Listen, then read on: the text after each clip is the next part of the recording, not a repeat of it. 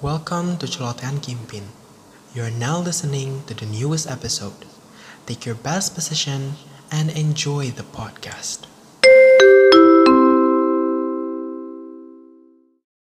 Halo, halo, tes, halo, hai. Ih, dari opening aja gue udah so asik. Emang gue anaknya kayaknya terlalu so asik ya. Kalau memang asik beneran sih kagak ngapain-ngapain. Lah gue cuman so-soan asik doang kan geli jadinya ya. Tapi ya bodo amat ya ini podcast gue juga. Jadi gue mau opening kayak gimana juga bodo amat. By the way, halo semuanya pendengar setia dari podcast gak jelas ini apa kabarnya? Emang pertanyaan gue setiap opening podcast ini gak pernah bener ya? ya pertanyaannya cuma apa kabar tapi ya nggak apa-apa lah ya kan mungkin kalian gak ada yang nanya kabar nih jadi gue aja deh yang nanyain kabar ini pede banget gue jadi orang nah semoga lagi-lagi gue mendoakan kalian agar uh, hidup kalian lagi baik-baik aja pokoknya gue pengen kalian mendengar ini di dalam kondisi yang baik ya nah eh ngomong-ngomong ini tanggal 25 Desember Waduh, Merry Happy Christmas, Merry Christmas semuanya. Semoga kita di Natal tahun ini bisa mendapatkan ketenangan lebih lebih lebih lebih lagi. Amin. Nah, ini adalah hari ini topiknya apa ya? Saran sih, saran dari salah satu dari kalian. Saran dari salah satu dari. Sal saran dari ya kalian lah ada yang merekomendasikan gue untuk bahas tentang quarter life crisis dan uh, waktu gue baca-baca kayaknya quarter life crisis ini cukup seru buat dibahas ya karena jujur sebenarnya gue mengalami dan kayaknya masih mengalami quarter life crisis deh. Tapi gue nggak tahu tuh awal-awal uh, istilah quarter life crisis. Jadi dulu gue mikirnya kayak gue overthinking overthinking biasa aja gitu. Sebenarnya podcast ini udah gue bikin dua kali ya. Udah gue bikin dua kali tapi kok kayaknya gue nggak serak gitu sama podcastnya dan kayak bahasannya terlalu ke mana-mana karena jujur kemarin-kemarin gue bikin podcast ini tanpa bikin outline-nya. Jadi hari ini gue bikin uh, episode ini dengan membuat outline dari apa namanya dari episode kali ini deh pokoknya. Udah deh kelamaan kita langsung aja ke bahasannya. Yuk yuk yuk.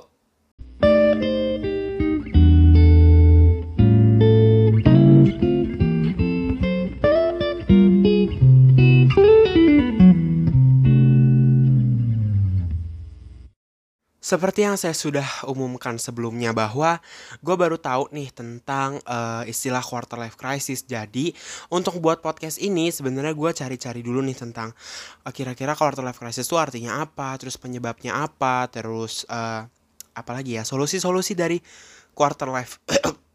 Aduh maaf banget keselak dari quarter life crisis. Nah jadi kan sebenarnya episode ini nih apa ya? Gue buat atas dasar gue pengen mengetahui juga sih quarter life crisis apa dan gue pengen reflect sama uh, beberapa apa ya sama beberapa kejadian quarter life crisis gue deh dengan menceritakan ini ke kalian. By the way, gue sebenarnya hari ini pengen bikin podcast yang di bawah 30 menit ya. Karena uh, awal rencana gue bikin podcast tuh sebenarnya episode 15 sampai 30 menitan aja tapi kok kayaknya Kimpin gak pernah bikin yang di bawah 30 menit sih kan orang bosen dengernya gitu ya jadi semoga kali ini di bawah di, di bawah ngomong apa tuh gue di bawah 30 menit ya 15 sampai 20-an lah ya nah klarifikasi-klarifikasi gitu tuh yang gak yang nggak jelas dan membuat episode ini jadi panjang tuh yang nggak nyambung. Dah kita langsung aja bahas. Bahas apa? Ya bahas quarter life crisis kok gue nanya ya. Nah jadi uh, definisi quarter life crisis itu gue cari dari Alo Dokter. Quarter life crisis atau krisis seperempat abad, waduh krisis seperempat abad adalah periode saat seseorang berusia 18 sampai 30 tahun merasa nggak punya arah nih, khawatir juga, bingung iya, galau juga iya.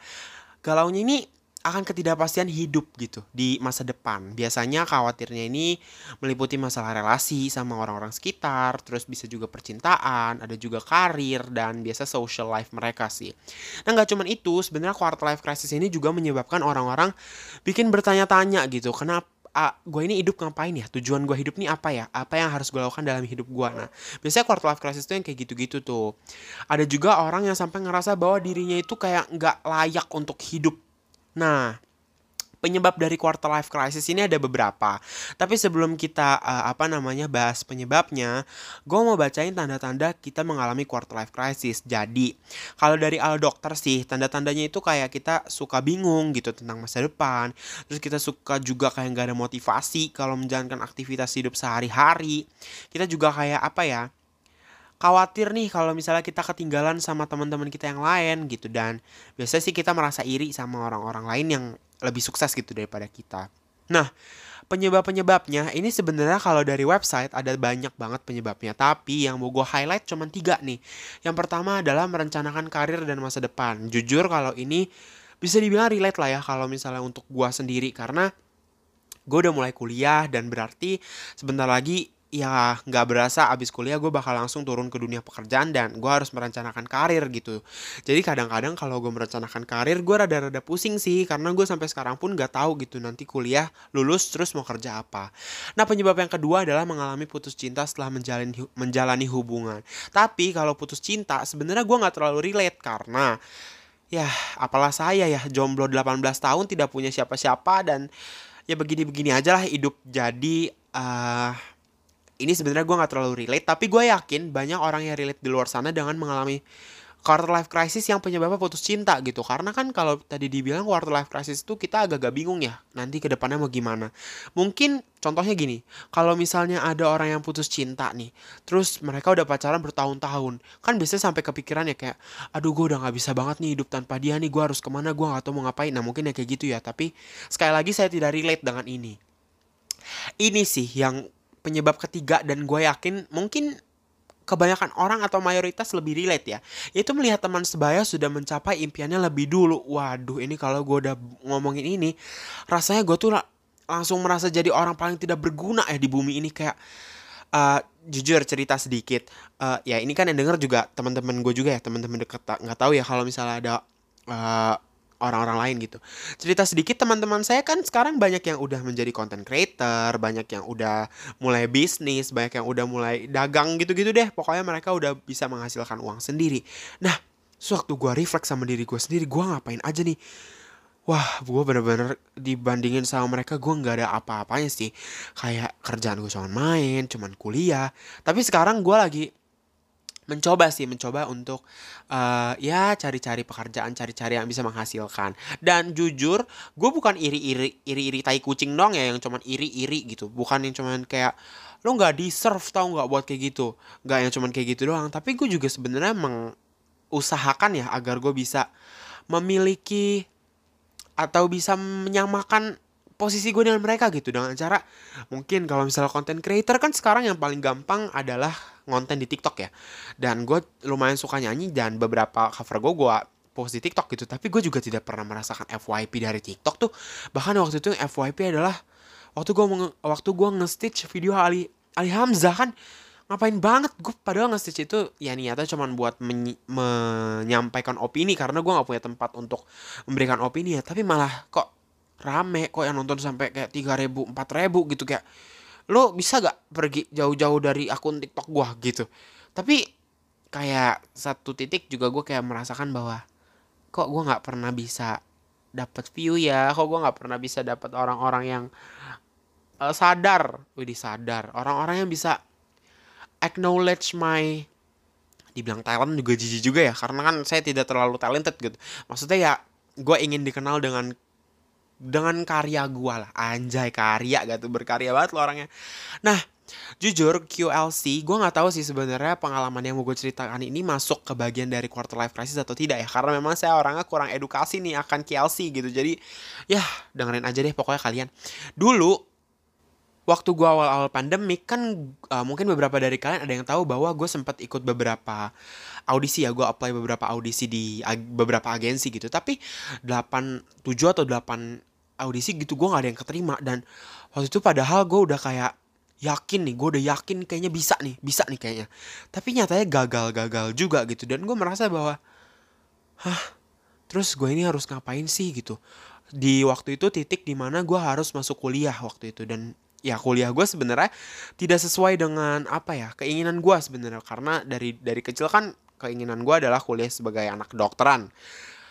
Terus gue mikirnya kayak kalau misalnya gue nggak bisa sukses di bidang itu terus gue harus sukses di bidang mana lagi gitu? Gue nggak tahu harus kerja apa gue nggak tahu harus ngapain gitu. Jadi gue kayak merasa bahwa kayaknya gue nggak punya tujuan hidup lagi nih gitu. Kayaknya gue nggak nggak nggak nggak apa sih kayak nggak tahu deh hidup gue mau dibawa ke mana nih gue nggak tahu gitu. Kayak satu-satu harapan gue adalah untuk jadi penyanyi gitu. Jujur ini tidak bohong dan tidak mengada-ngada dan tidak melebih-lebihkan ya. Salah satu impian saya adalah untuk menjadi penyanyi gitu. Tapi sekarang sih gue udah mulai kayak mulai bisa menerima gitu. Gue sekarang mikirnya mulai kayak mungkin bukan di situ tempatnya. Mungkin nanti saya bika bi, bi, bi, bika bika tuh apa? Mungkin saya nanti bisa ikut uh, audisi Indonesian Idol. Amin. Mungkin saya nanti bisa uh, jadi peserta di Indonesian Idol kita tidak ada yang tahu gitu. Jadi sekarang sih ya udah deh sabar aja. Tapi jangan sabar sabar sabar sabar doang lu ya. Kita kita jangan sabar-sabar doang. Kita juga harus usaha gitu. Jangan kayak menyerahkan sepenuhnya diri kita kepada Tuhan yang Maha Esa itu. Menyerahkan diri baik tapi alangkah baiknya kita juga bareng-bareng yuk sama-sama usaha juga gitu ya kan. Uh, ya kurang ajar amat kita cuma doa minta Tuhan yang kerja semuanya tapi kita kagak ngapa-ngapain juga kan itu minta minta disentil sih. Jadi sekarang sih gue lebih kayak ya udah deh gue mulai uh, mengumpulkan beberapa apa ya mulai mengumpulkan beberapa ide gitu. Kira-kira nanti gue mau ngapain gitu. Kira-kira cara gue untuk mendapatkan penghasilan tuh kayak gimana gitu-gitu sih. Ya sebenarnya cerita gue tentang quarter life crisis nggak sebanyak itu ya. Karena gue memang orangnya emang demen overthinking tapi nggak tahu apa yang di overthinkingin gitu. Jadi kayak suka berasa down tapi kayak nggak tahu downnya gara apa gara-gara apa. Memang biasanya kebanyakan gue ngeliat orang-orang yang sukses sih apalagi orang-orang yang sukses itu adalah orang-orang yang pernah menginjak-injak gue ya. Jadi kayak pengen gue banting tuh orang kayak kenapa lu sih? Kenapa lu sih? Gitu kayak. Ya tapi memang sekali lagi quarter life crisis ini wajar adanya. Nah habis ini gue bahas nih kira-kira quarter life crisis ini ada ada baiknya nggak sih? Ataukah quarter life crisis ini cuman buruk-buruk doang dari pandangan gua, quarter life crisis ini sebenarnya ada sisi negatif, ada sisi positifnya juga. Kenapa gue bisa bilang ada sisi positif? Padahal kalau dilihat-lihat quarter life crisis ini mentally abusive ya, kayak ya kita diuji secara mental aja. Mari kita breakdown satu-satu. Kita mulai dari uh, yang negatif dulu deh, kita buang-buang dulu nih yang jelek. Kalau negatif udah pasti quarter life crisis menghambat kehidupan karena jujur uh, menghambat kehidupannya adalah di mana gue merasa quarter life crisis ini bikin gue mentok di situ-situ aja gitu. Gue terlalu terpaku sama satu hal yang emang mungkin bukan jalan gue tapi selalu gue pikir-pikirin dan aduh gue nggak tahu ya ini bibir gue dari tadi kejedok-jedok ke mic mulu itu bunyi kagak ya? Kalau bunyi maaf ya. Nah kita balik deh. Apa tadi gue nyampe mana ya? Oh uh, eh, gue selalu terpaku sama satu hal yang memang mungkin bukan jalan gue gitu. Jadi kayak gue mikirnya gue nggak nggak nggak nggak punya kesempatan buat nyoba hal baru dan itu bikin gue stuck sih di satu satu posisi kehidupan gitu. Uh, eh, gue orangnya jadi kayak nggak berani untuk mencoba hal baru dan nggak mau untuk mencoba hal baru karena takut gagal lagi gitu. Gue nggak gue nggak mau gue harus terjun ke dalam quarter life crisis untuk ke berkali berkali berkali apa sih berkali berkali kalinya gitu. Maksudnya ngerti kan? Maksud gue ngerti kan? Maksudnya kayak nggak mau gak mau terjebak di quarter life crisis terus-terusan gitu maksudnya gitu. Nah terus yang udah pasti juga negatifnya adalah bad mood sih. Kalau gue sih kalau lagi quarter life crisis bakal ngaruh ke mood ya. Maksudnya memang nggak nggak nggak sepanjang hari gitu nggak kayak gue quarter life crisis dua minggu terus panjang dua minggu itu gue bad mood gitu. Enggak sih tapi memang kayak ada beberapa uh, posisi atau beberapa situasi di mana gue ke trigger dan akhirnya ya gue males aja gitu dan jadi kayak ngaruh ke semua semua sih dari kuliah tugas sama keluarga sama teman gitu. Jadi kayak ngaruh semua muanya gitu kayak gue nggak mau ganggu gue lu jangan ganggu gue kayak senggol bacok nih gitu. Jadi kayak bikin apa ya bikin mental capek sih kalau menurut gue quarter life crisis terlalu abusive buat mental. Nah kalau misalnya kita bahas sisi negatifnya, eh sisi negatif, sisi positifnya, menurut gue quarter life crisis adalah di mana tempat kita uh, refleksi sih. Kayak kalau gue memang nggak bisa meng, men, mengimplementasikan quarter mengimplement, mengimplementasikan refleksi diri ketika gue lagi quarter life crisis gitu. Karena ketika gue quarter life crisis yang gue pikirin adalah hal-hal yang jelek-jeleknya gitu. Gue nggak bisa merefleksikan bahwa diri gue kurangnya ini diri gue kurangnya ini gue bukan merefleksikan sih lebih tepat kalau lagi KLC tapi lebih kayak menyalahkan. Kayak ah lu bego nih lu nggak bisa ini nih. Ah lu gimana sih nggak bisa ini? Gitu. Jadi kayak lebih menyalahkan diri sendiri which is itu nggak benar sama sekali ya teman-teman. Tapi kalau misalnya kalian bisa berpikir dengan jernih uh, quarter life crisis ini sebenarnya bagus banget untuk dijadiin refleksi. Misal uh, gimana ya misalnya? Gue udah misal misalnya tuh kayak orang pinter. Oh gini misal kalian quarter life crisis di uh, dan kalian lagi terjebak nih sama suatu posisi. Misal kalian lagi mengerjakan sesuatu dan gagal. Mungkin ketika kalian lagi quarter life crisis kalian pakainya itu buat kayak oh ya udah deh berarti ini memang bukan jalannya gua dan mungkin masih banyak jalan masih banyak jalan lain gitu di luar sana jan. Dan kayak sisi sisi positifnya kenapa sih gue demen banget ngomong sisi negatif negatif mulu gue bawaannya. Sisi positif lainnya adalah kayak quarter life crisis. Sebenarnya ini terjadi di gue sendiri ya. Kayak jadi bahan bakar sih untuk diri gue sendiri. Kayak ayo dong lu kerja dong. Kayak lu harus lu mau kan kayak dia makanya lu bertindak nih bertindak gitu. Jadi kayak gue merasa lebih dipush sih dipush oleh diri sendiri. Tapi jangan terlalu kencang juga ngepushnya tubuh kita atau badan kita atau diri kita juga butuh istirahat gitu. Jadi kalau misalnya gue merasakan quarter life crisis, ya itu kayak merasa jadi picu picuan ya atau pacuan. Picuan untuk gue untuk ayo kita kerja lebih keras lagi. Bukan untuk jadi rich auntie ya teman-teman tapi lebih kayak untuk menjadi uh, menjadi orang yang kita iriin gitu. Misal kita ngiri sama siapa ya? Misal kita ngiri sama orang yang bisa jualan uh, baju ratus-ratusan gitu. Dan kita iri. Dan ya jadiin bahan bakarnya buat ayo lu juga harus kerja lu harus juga lu juga harus bisa gitu. Jangan lu cuma ngiri-ngiri doang gitu.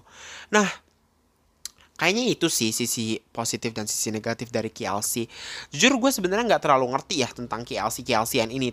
Ini gue cuman uh, pure memberikan apa namanya pandangan gue dan juga pengalaman-pengalaman gue tentang KLC. Jadi ya kalian sekarang dengerin gue kayak Mario Teguh aja ya. Tapi Mario Teguh yang ini sok pinter dan sok ngerti.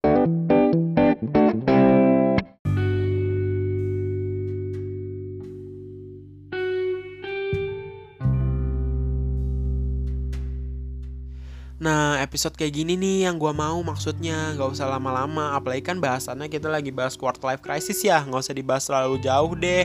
Karena nanti jadi bikin overthinking lagi, overthinking lagi kan gak kagak selesai-selesai nih overthinkingnya. Jadi ya quarter life crisis ini kita jadiin sebagai bahan refleksi dan berkenalan dengan diri kita lebih jauh aja. Widih, bener-bener kayak orang bener nih gue hari ini. Nah jadi di closing kali ini gue bakal kasih beberapa solusi yang memang gue ambil dari Alo Dokter juga dan menurut gue ini adalah ini adalah beberapa apa namanya solusi yang cukup bisa membantu kita dalam mengatasi quarter life crisis. Jadi solusi yang pertama menurut gue adalah kita harus berhenti ngebandingin diri kita sama orang lain. Stop comparing ourselves. Jangan kita terus-terusan melihat orang lain. Gak ada selesainya kalau kita ngeliat orang lain. Uh, apalagi kita membandingkan diri kita dengan orang lain yang gak relevan. Misal gini, uh, kita membandingkan diri kita sama content creator. Mungkin. Content creator kan bukan mungkin. Content creator kan orangnya memang lebih suka berada di depan kamera gitu. Mereka lebih suka menjadi pelakon di depan kamera. Mereka bisa ekspresif di depan kamera. Tapi nggak semua orang bisa melakukan hal itu. Mungkin ada beberapa orang yang lebih memilih untuk berada di belakang layar. Mungkin ada beberapa orang yang lebih senang untuk melakukan hal-hal yang nggak dilihat banyak orang gitu. Dan itu nggak salah sama sekali semua orang punya caranya untuk mengekspresikan dirinya gitu. Jadi gak nggak bisa dipukul rata bahwa semua orang di dunia ini bakal sukses dengan cara A. Itu nggak bisa kayak gitu. Jadi menurut gue sih mengcompare diri kita itu kayak nggak nggak nggak membantu ya. Malah bikin kita makin down terus. Kecuali kalau misalnya kita uh, adore nih sama orang. Kita demen ngeliat orang dengan kesuksesan dia. Ya kita jadiin motivasi gitu. Kita jadiin satu satu bahan bakar tadi kayak yang udah gue bilang. Kita jadiin sebagai satu hal yang bisa kita ambil gitu pelajarannya. Jangan dipakai untuk ngejatuhin diri kita ngejatuhin diri kita. Karena jadinya satu nggak bagus buat mental. Dan kita jadi kayak kehilangan diri kita sendiri sih. Nah, ini berhubungan sama solusi kedua yaitu kita harus belajar accept ourselves. Jadi, kita harus belajar untuk menerima diri kita sendiri dengan segala kelebihan dan kekurangannya gitu. Jadi, uh, semua orang pasti punya kekurangan dan gak semua orang bakal memperlihatkan kekurangannya di depan orang lain. Mungkin yang kita lihat teman kita yang udah uh, punya karir lebih bagus, mungkin ya kita lihat dia sebagai apa ya? Sebagai sosok yang emang dikasih lihat aja enaknya, tapi kita nggak tahu kan masalah-masalah dia di belakang kayak gimana apakah dia suka dengan pekerjaannya atau dia suka dengan menjadi seperti itu kan kita juga nggak tahu gitu. Jadi uh, kita harus belajar accept ourselves kita harus paham sama diri kita kita harus kenalan lagi lebih dalam gitu. Kita harus tahu passion kita di mana kita harus tahu uh, apa ya kita harus tahu kekurangan kita di mana apa yang kita nggak suka apa yang kita suka yang kayak yang kayak kayak gitu bener-bener ngebantu kita dalam uh, mengatasi quarter life crisis gitu. Jadi kita juga lebih tahu gitu dengan mengenal diri kita sendiri, kita tahu tujuan hidup kita nih mau dibawa ke mana.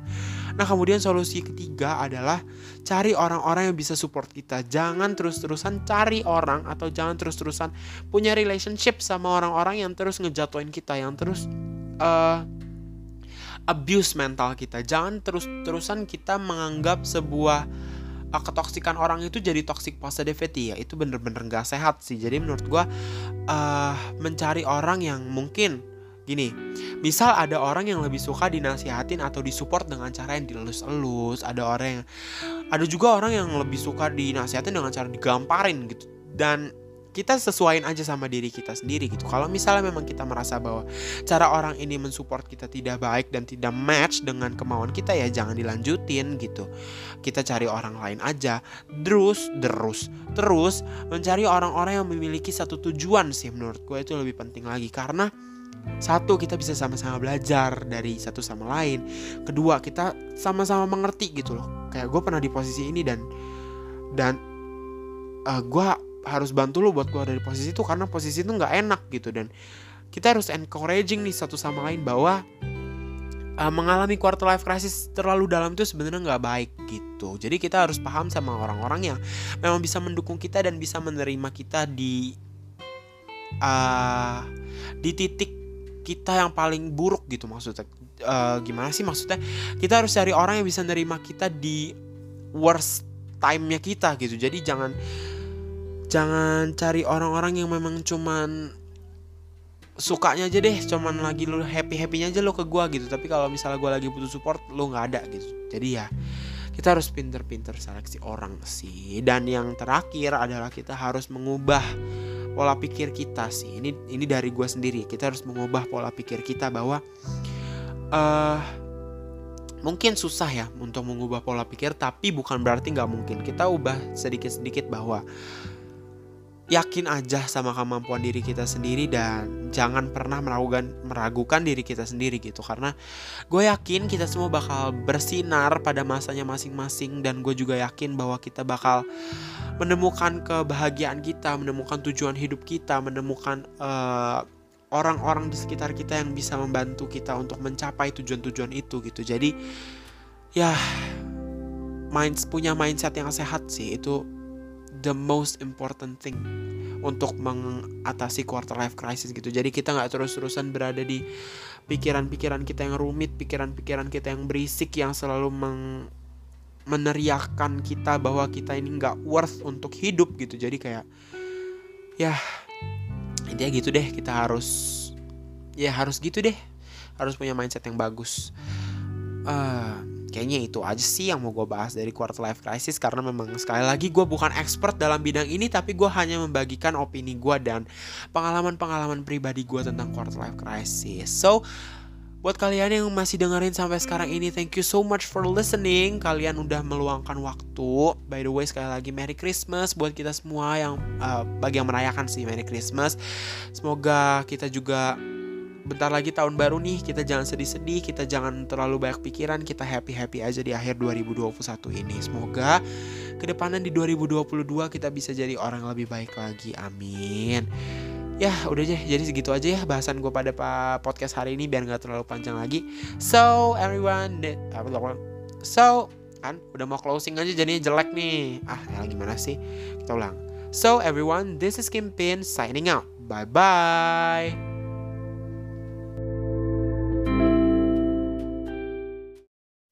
Thank you so much for listening to Celotehan Kimpin. Semoga kalian bisa happy dengan mendengar podcast ini. Dan jangan lupa podcast ini bakal upload setiap Sabtu malam. So, see you on another episode.